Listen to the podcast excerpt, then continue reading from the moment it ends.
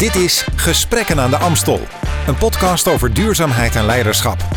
Paul van Liemt gaat elke aflevering in gesprek met een interessante gast. Met vandaag Walter Bien, CFO van netbeheerder Alliander. Welkom. Dankjewel.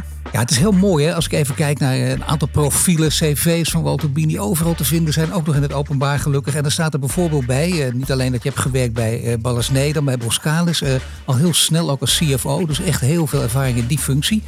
Nu weer bij Alliander en daar staat er keurig bij. Bij Alliander houdt Bien zich onder andere bezig met de financiële afwegingen die de energietransitie met zich meebrengt.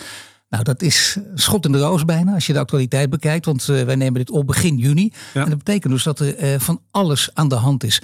Voor mensen die het van een afstand volgen, komt het nog uh, redelijk schoksgewijs. Ja. hebben jullie dit als een van de scenario's zien aankomen? De situatie die er nu is? Ja, nee, ja Paul, dankjewel.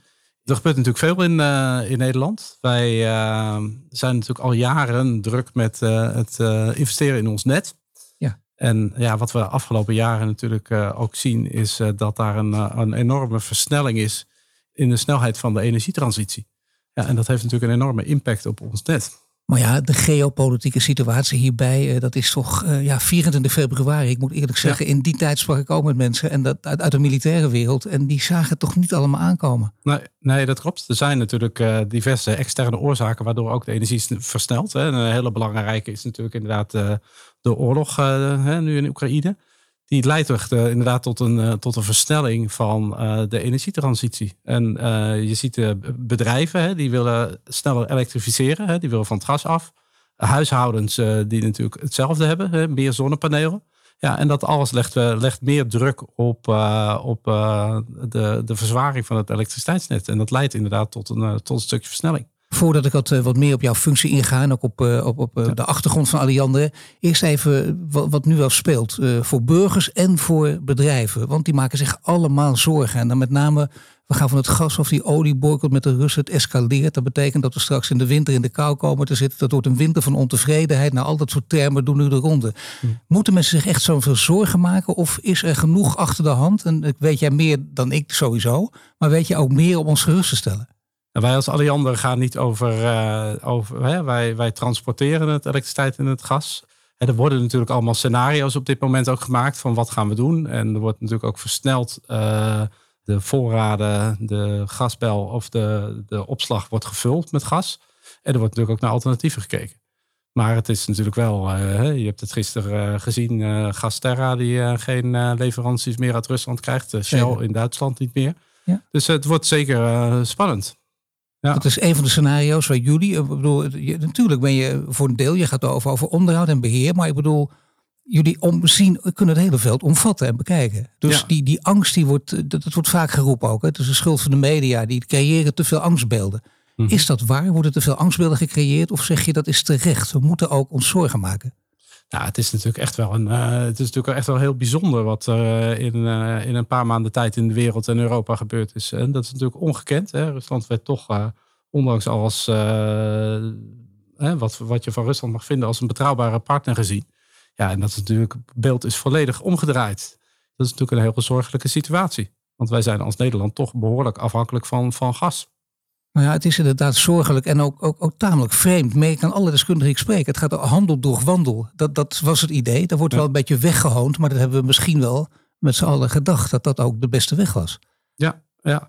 En wat, wat je natuurlijk wel nu ziet, is hè, er is een enorme, enorme push nu naar alternatieven. Hè. Er, eh, ik weet dat GasUnie die heeft een aantal, eh, aantal contracten ook gesloten om eh, vloeibaar gas te importeren. Hè, we hebben in Nederland natuurlijk nog eh, hè, eh, ten dele een gaswinning vanuit Groningen. En eh, ja, er zijn natuurlijk nog steeds, maar het zijn veel minder klimaatvriendelijke alternatieven. Hè, veel eh, kolencentrales, waar we natuurlijk nog wel een stukje ruimte hebben om mee te manoeuvreren. Ja, we hebben ook nog altijd Groningen achter de hand. Als aller, aller, aller, allerlaatste optie. Ja, dat is zeker. Maar dat is natuurlijk een politieke keuze Tuurlijk. om daar wel of niet iets mee te doen. Maar goed, het is natuurlijk wel heel prettig om te weten dat je zoiets achter de hand hebt. Wat betekent deze hele situatie voor Alliander? En dan echt precies alleen toegespitst op jullie bedrijf. Ja, het raakt ons op eh, diverse vlakken. Het eerste vlak is dat het raakt ons in onze opdracht. Hè? Dus eh, we zeiden het net al, de, de, de vraag versnelt. Hè? En, nou ja, zoals je op dit moment ook natuurlijk overal kan zien, eh, hè, de, Het, net is nog niet geschikt voor de hoeveelheid elektrische vraag die we, de vraag naar elektriciteit die we op dit moment hebben.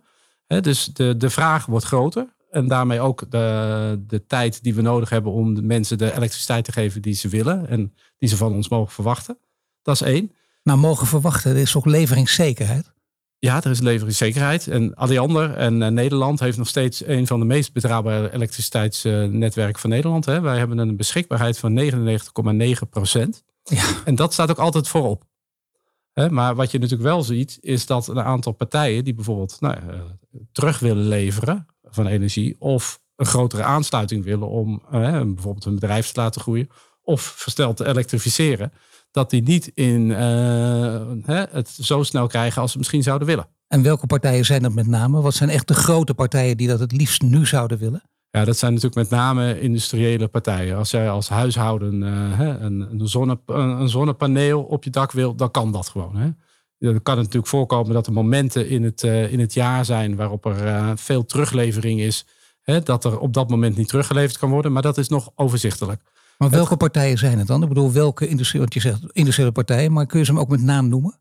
Nou, kijk, als je bijvoorbeeld kijkt naar Amsterdam, hè, dit staat dan op rood, zoals het heet. Daar is gewoon geen capaciteit voor uh, bedrijven om zich te vestigen. En hè, er is uh, onlangs, en, wellicht heb je het ook gelezen, er, staat, er stond ook een artikel over in het Financieel Dagblad. Een kabelbedrijf die wilde uitbreiden. Ja, die heeft uiteindelijk voor gekozen om richting Groningen te gaan, omdat daar capaciteit op het net was. En die had eigenlijk in Amsterdam willen, zich willen vestigen. En dat kabelbedrijf mag niet al die anderen de schuld gaan geven? Nou, kijk, wij zijn natuurlijk wel, uiteindelijk is het onze opdracht om te zorgen dat het netwerk geschikt is voor de vraag die er is. Alleen, het gaat uh, in dermate hoog tempo dat wij dat nu nog niet kunnen bijhouden. Uiteindelijk is het natuurlijk wel onze verantwoordelijkheid. Dat betekent, zo voelen wij die ook. Dat, dat, zo voelen jullie uiteraard ook. Maar ja, het tempo kan inderdaad zo hoog liggen dat je, je zegt het al, dat, dat is menselijkerwijs bijna niet te doen. Maar ook dit is een kwestie van scenario's. Zijn jullie ook uitgegaan van dit hele snelle tempo? Ja, wij hebben natuurlijk al jaren zijn we al in het ook al jaren in uh, gesprek met uh, de gemeentes over hè, uh, de uitbreiding van het net. Wij hebben natuurlijk al een enorme sprong gemaakt in onze de versnelling van onze productie. Om je even een idee te geven in de investeringsgetallen. Een jaar of vier geleden investeerden wij ongeveer 4 tot 500 miljoen jaarlijks in ons net. Afgelopen jaar was het al een miljard. En de komende jaren zal dat, uh, dit jaar zullen we verwachten we ongeveer 1,2 miljard uh, te investeren in het net. En dat zal nog verder doorstijgen. Dus die extra versnelling is al gaande. Maar wat je gewoon ziet is dat de klimaatversnelling uh, of, of de, de, de versnelling van de energietransitie in zo'n hoog tempo gaat. Dat het telkens bij komt. Hè. Neem nu bijvoorbeeld de klimaatambities van de overheid. Ja, die zijn natuurlijk nu ook bijgesteld hè, van ja. uh, versneld naar 55 procent. En dat was natuurlijk een lager percentage. En als um, je dat wil, dan moet je dus van alles doen. En daar moet ook geld tegenover staan. Ja, klopt. Klopt. En dat uh, weet je CFO inderdaad als geen ja, ander. Nee, ja, natuurlijk. Dus die, die investeren, de, de, klopt, die uitbreiding moeten we investeren. Uh, ik zou ik nog even je vraag afmaken. Jij vroeg van waar raakt het ons? Hè? Het raakt ons direct in onze opgave.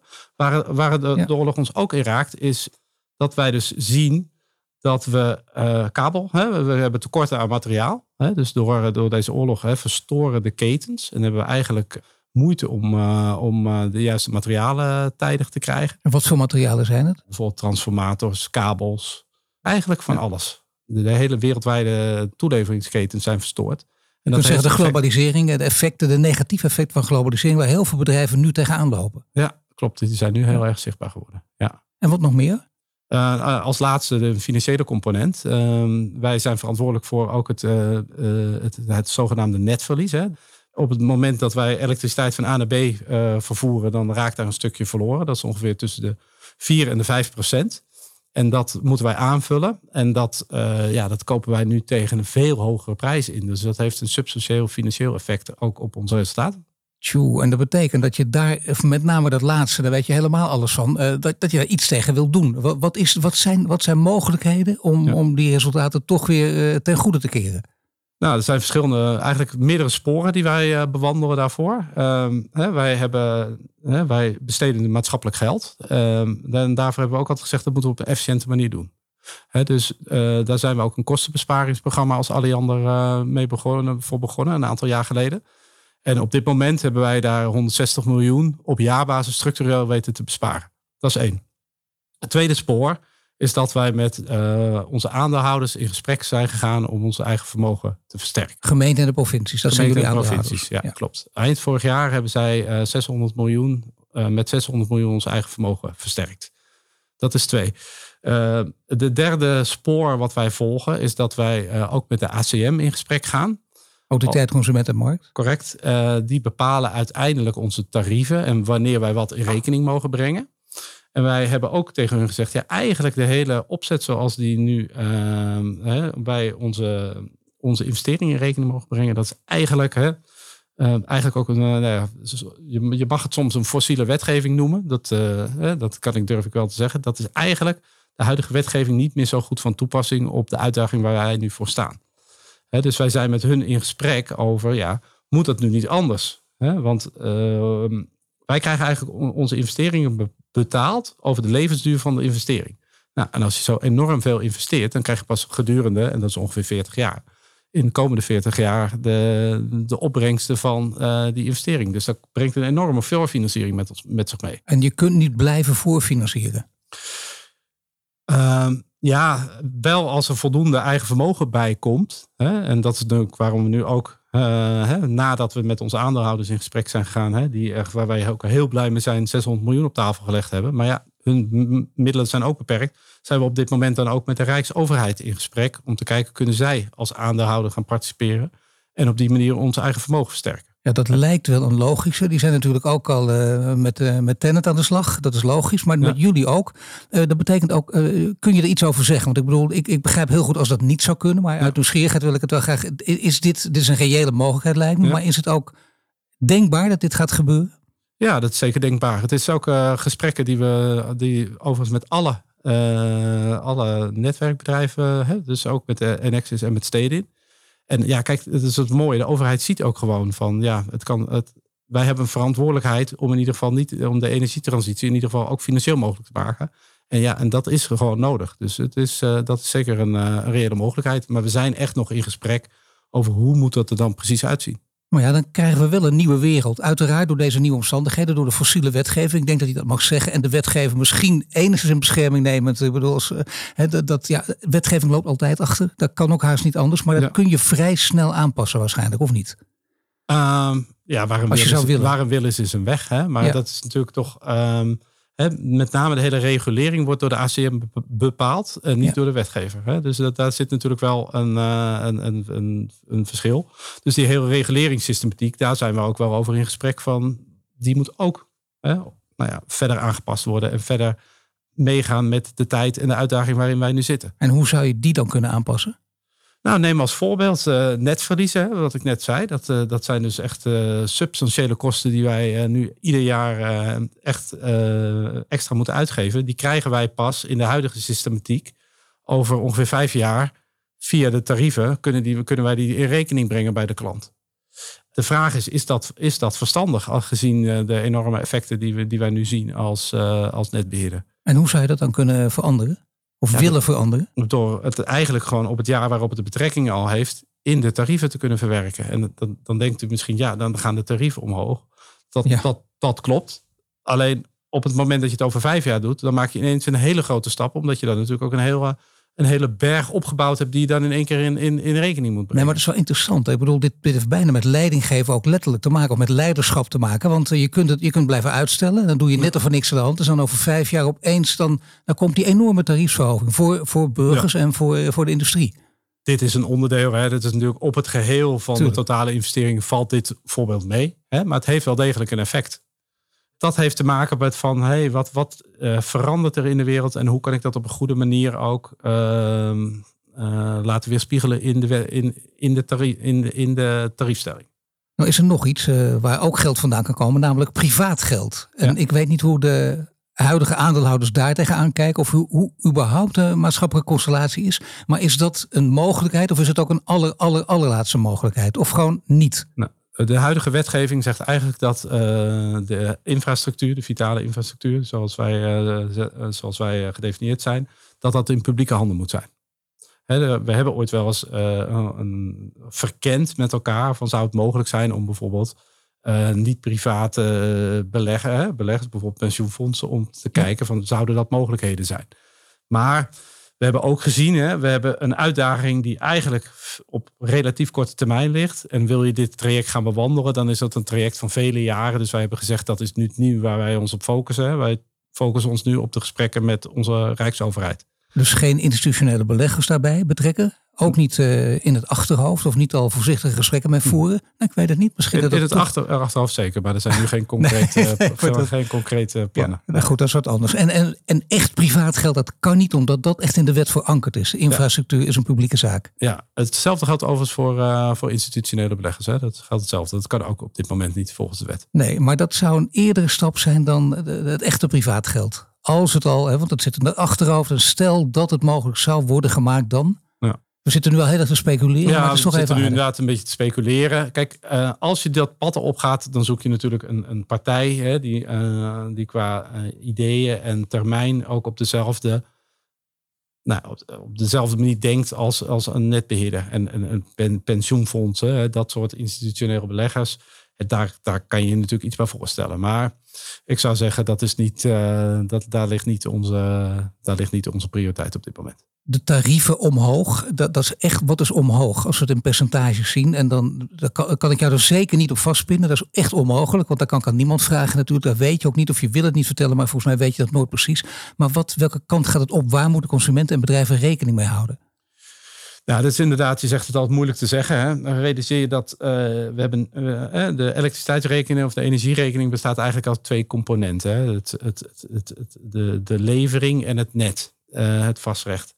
En zeker bij deze tarieven waar we het nu over hebben, is het net ongeveer 10% van het totale bedrag. dat zal een stukje gaan stijgen. Wij hebben ook met elkaar gezegd dat moeten wij gewoon goed inzichtelijk gaan maken. Dan gaan we ook een, uh, met elkaar, uh, met de netbeheerders, onze investeringsplannen bij elkaar leggen. En, en, en ook berekenen wat de effecten zijn. Maar op dit moment zou ik dat niet nu kunnen zeggen. Maar op het totaal is dat relatief beperkt. Zeker als je kijkt naar de kosten gewoon de leveringskosten die op dit moment natuurlijk buitenproportioneel veel meer gestegen zijn. Natuurlijk, maar bedoel, calculerende burgers uh, die zullen natuurlijk uh, gaan tellen. Maar dat geldt ook voor bedrijven ook. Het zijn enorme bedragen, maar naar verhouding, die gaan zich niet helemaal, die, die schikken, die, die vallen niet stijl achterover. Die zullen niet stijl achterover Die gaan niet denken door 10, 20 procent. Nee, nee, nee. Nee. nee, nee, maar goed, bedoel, niet in die orde van grootte. Dan zit je dus eerder de tussen, de, tussen de 1 en 5 procent. Dan wordt het echt gissen. Ja, nee, dus, maar goed. daar kan ik me op dit moment uh, met alle investeringen en de stijgingen. We hebben natuurlijk ook de nieuwe kabinetsplannen met 55% uh, ja. CO2-reductie. Ja, die gaat ook weer een effect hebben op onze investeringsplannen. Ja, dus dat gaan we gewoon komende tijd berekenen en kijken wat het effect is. Jullie hebben wel een aantal dingen behoorlijk voor uitgezien. De vorige CEO uh, van, van Alliander, Inge Thijssen, die, die had het ook al over de bottleneck. De bottleneck is de infrastructuur. Het FD schrijft er ook weer over. Bartjens, bekende ja. column, columnist. Altijd gaat het daarover. Is dat inderdaad, onderschrijf je dat? Is dat de bottleneck? Ja, op dit moment is, uh, we hadden het er net al over. En uh, nou, er zijn natuurlijk veel bedrijven en, en, en, en ook terugleveranciers, hè, die zonneparken die terug willen leveren, die op dit moment ja. niet terug kunnen leveren wat ze willen. En dat remt natuurlijk de energietransitie. Ja, maar in welke zin remt het? Hè? Voor de mensen die niet precies daarin thuis zijn in dit vakgebied. In welke zin remt dat? Nou, is goed om, uh, om uh, inderdaad even, uh, even toe te lichten. Nou, een, een voorbeeld is een, een, een, zonnepark in Flevoland. Die wil een aansluiting om terug te leveren op het net. Maar er is op dit moment niet voldoende ruimte op, op het onderliggende net om die, om die teruggekomen elektriciteit te kunnen verwerken. Nou, dat is een voorbeeld. Het andere voorbeeld noemden we net. Een bedrijf uh, in Amsterdam die zich wil vestigen. Ja. Er is geen capaciteit op het net. En een ander voorbeeld is um, bijvoorbeeld bedrijven die zelf uh, hè, nu veel met gas doen, maar meer willen elektrificeren. Hè, want het alternatieve gas is toch vaak uh, elektrisch. Nou, die, willen een zwaar, die hebben al een aansluiting, maar willen een zwaardere aansluiting. En het onderliggende net kan op dit moment niet die capaciteit leveren die zij vragen. Dus op dat moment, op dat moment komen zij op een, op een wachtlijst. En wij zijn op dit moment druk aan het investeren om uh, dat onderliggende net te verzwaren. Maar dat heeft tijd nodig. Overigens is dat uh... misschien ook wel aardig om, om te zeggen. Kijk, daar zijn we al jaren mee bezig. En daar zijn we nu ook met, bijvoorbeeld hier in Amsterdam. Daar hebben we ook echt een taskforce samen met de gemeente om te zeggen van, hè, wij hebben ongeveer op 20 locaties, maar hebben, willen wij uh, nieuwe stations plaatsen. Ja, ga dan ook samen hè, met de gemeentes en de provincies ook die plekken zoeken om dat te doen, zodat we op het moment dat uh, hè, we zover zijn, dat we daar ook kunnen gaan bouwen. En dat zijn nu natuurlijk ook vaak procedures die echt heel erg lang duren. Maar goed, daar zijn jullie niet voor niets al dus gelukkig zou ik bijna al lang mee bezig. Omdat dit is de bottleneck, dat weet je al heel erg lang. En dit is de manier ook om, om Ja. deze te omzeilen. Of in ieder geval in goede banen te leiden. Ja, dat helpt. Waarbij je natuurlijk ook moet realiseren. Kijk, we weten pas waar, eh, waar we moeten verzwaren op het moment dat er een aanvraag binnenkomt. En wij zijn natuurlijk met gemeentes en provincies in gesprek. Hè, van waar komt het, waar verwachten jullie het? Hè, maar bijvoorbeeld eh, als er in Amsterdam een datacenter wil vestigen. Ja, die, aanvraag is snel gedaan. En één datacenter, ja, die vult eigenlijk eh, soms al een heel eh, onderstation, elektriciteitsstation op qua capaciteit.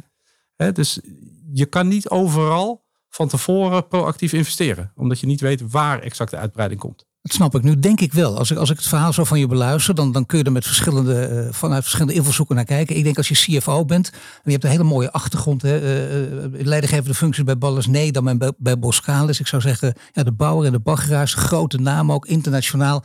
Dan ben je ook wat gewend en dan kun je ook tegen een stootje. Nou, zo, zo die indruk maak je ook hier, dat is heel duidelijk. Hè. We praten gewoon behoorlijk open, vind ik, dat is prettig. Maar dat betekent dus wel, in deze nieuwe functie ook, ja, als CFO is het ook, als ik dat cliché mag gebruiken, toch een enorme uitdagende, spannende tijd. Puur vakmatig gezien. Ja. Ik bedoel, nu kun je, ik zou bijna zeggen, eh, vanuit je vakgebied excelleren. Of zie ik het verkeerd? Nee, kijk, een van de redenen voor mij om bij uh, Alliander te komen werken was ook echt wel de uitdaging die er ligt. Hè. Ik, uh, dat is ook de rode lijn in mijn, uh, mijn eigen cv. Ik vind plekken waar veel verandering moet gebeuren, moeilijke, moeilijke projecten. Hè. Dat was natuurlijk in het verleden vaak bij Boskalis, hè, moeilijke landen, grote projecten.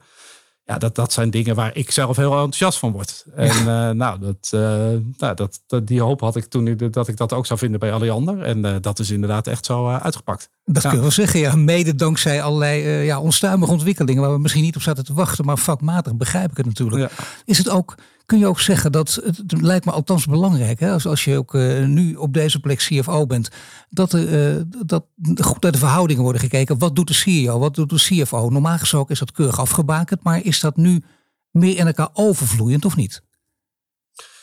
Ja, kijk, wij hebben sowieso natuurlijk een collegiaal bestuur. Um, hè, wij zitten in zo'n dermate grote transitie als, als netbeheerder. Hè. We komen natuurlijk uit een heel voorspelbare omgeving. Hè, van, nou ja, de, de elektriciteitsvraag die groeit ieder jaar 2, 3 procent. En dat is natuurlijk in een aantal jaren volledig veranderd. Hè. En dat betekent eigenlijk voor ons ook een totale transitie als Alliander zelf. Dus uh, onze processen moeten anders, onze systemen moeten anders, onze cultuur moet anders. Ja. Dus, en dat is allemaal met elkaar verbonden.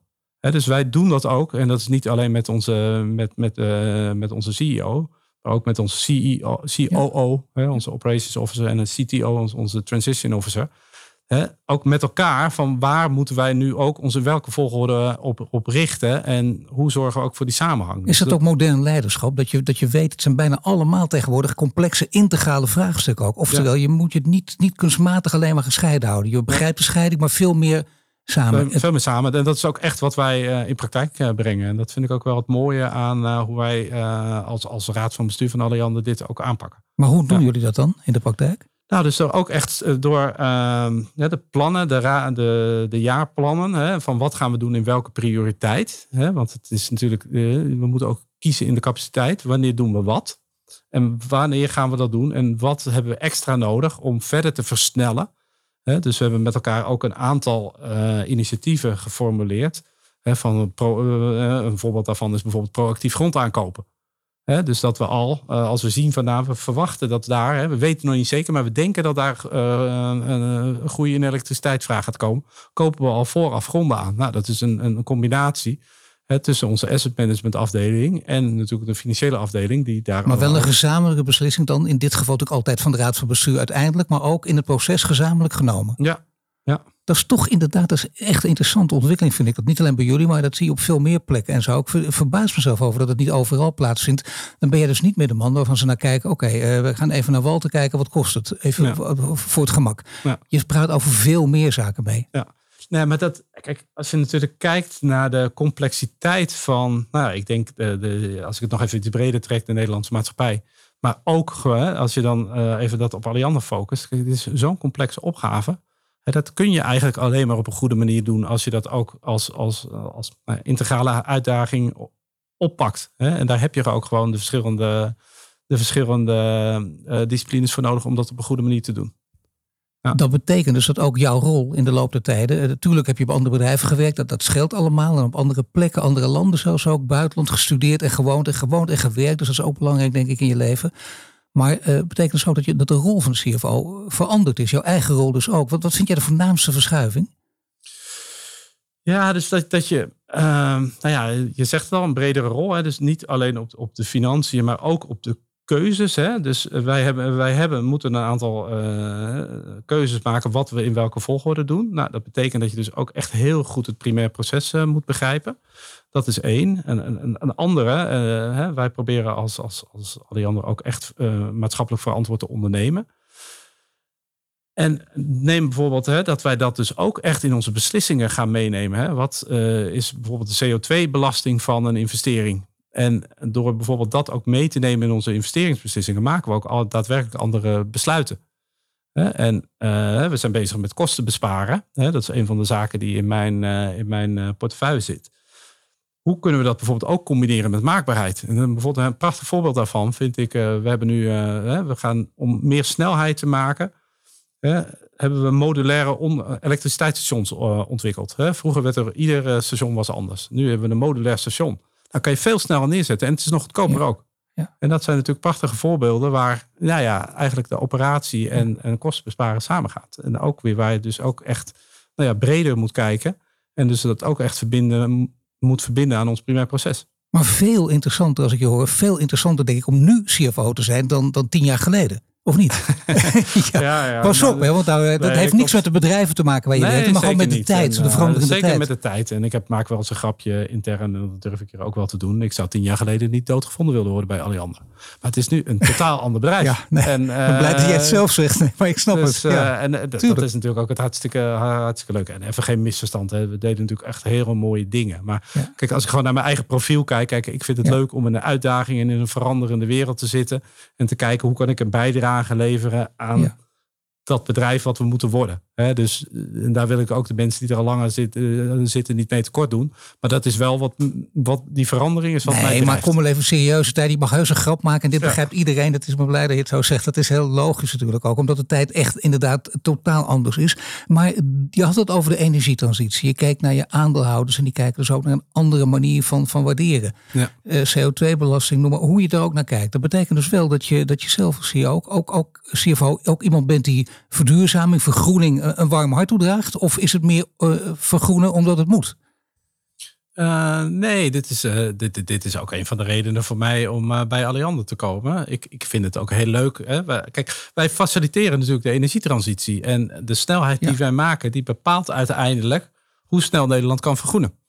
En nou ja, daar kan je natuurlijk echt een wezenlijke bijdrage aan leveren als Alliander en ik daarmee daarbinnen. Nou, dus, zegt dat wel een week. Het, is een, een enorme grote bijdrage voor, voor, voor juist een grote partij als Alliander. Kijk je dan ook nog steeds even naar de vorige CEO, die het heeft over brede welvaart. En nu, eh, daar schokken mensen ook een beetje van die het niet gewend waren. In haar nieuwe positie bij VNO-NCW. Is dat ook de lijn van denken die jij uh, hanteert of niet? Ja, zeker. Wij hebben een, vorig jaar het uh, Verbond voor Brede Welvaart ook mede ondertekend als Alliander. Ja, en dat is gewoon een hele goede ontwikkeling. En uh, ja, er zijn zoveel ook mooie voorbeelden waar uh, brede welvaart gewoon uh, parallel loopt met wat wij doen. Ik noem een paar voorbeelden. Eh, bijvoorbeeld meer ehm, biodiversiteit.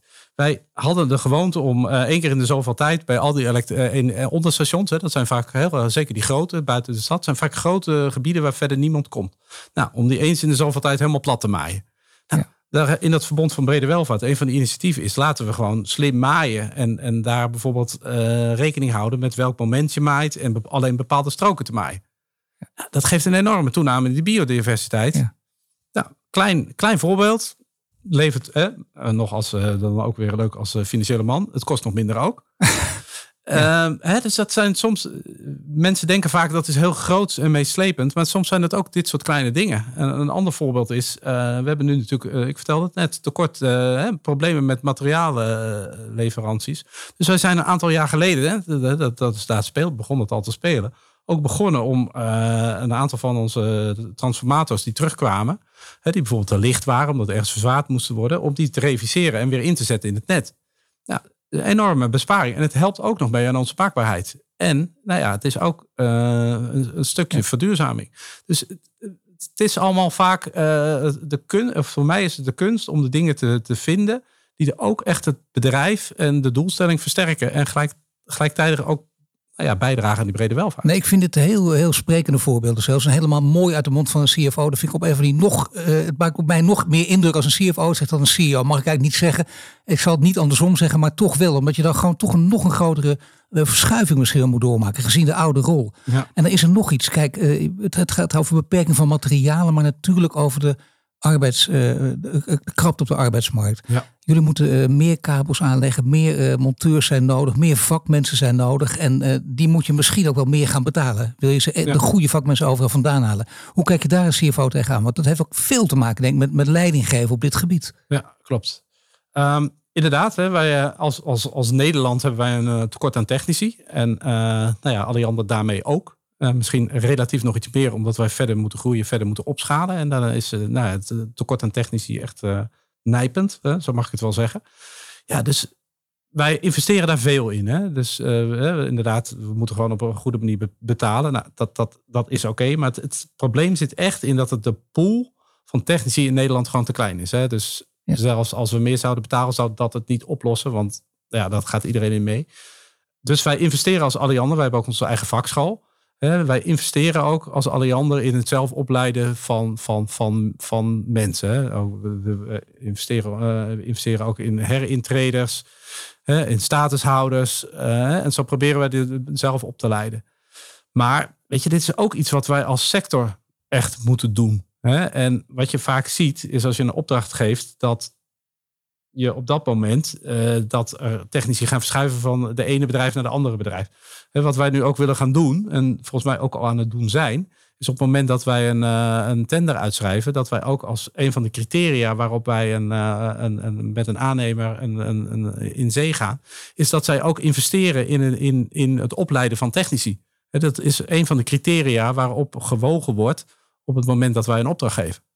Nou, weet je, dat soort dingen probeer je met elkaar de, de pool van technici te, te vergroten. En daar zijn we ook samen met, uh, met de overheid in gesprek. Want daar ligt natuurlijk ook een rol van de overheid om dat te stimuleren. Ja, en de overheid weet het overigens ook al heel erg lang. Hè, dat dit gaat spelen, dat dit er aankomt. Dat werd echt 10, 15 jaar geleden al gezegd. Het is een beetje zuur lijkt altijd om daarover te beginnen. Maar ja, je hoopt wel, dit is wel het momentum. Het kan nu gewoon niet anders. Ja. Mensen roepen altijd 5 voor 12. Maar vind je dat een cliché of zeg je dat is waar? Dat is op dit terrein helemaal waar. Nou, in mijn ogen is het 5 over 12. Ja, zo echt. Ja, ja, ja want ik bedoel, de, hè, de opschaling. Uh, dit is een van de. Dit is, nou, eigenlijk, hè, we hebben het al net over financiën. Weet je, dat, dat regelen we met elkaar. Hè? Dus dat geld gaat niet uh, de, de, de beperkende factor worden in de snelheid van de energietransitie. Het personeelstekort daarentegen is op dit moment al een van de oorzaken waardoor we niet kunnen versnellen in het tempo waarop we eigenlijk zouden willen. Maar daar ligt misschien ook een taak, niet alleen van de overheid, maar ook een leidinggevende. Ook een, dus een CFO van een, van een groot bedrijf als Alliander. Een belangrijk bedrijf, een grote speler in die energietransitie. En je hebt al heel veel dingen aangegeven hè, die, die duidelijk maken welke richting jij op wil, welke koers je ook vaart en je koers vast bent, dat is ook duidelijk.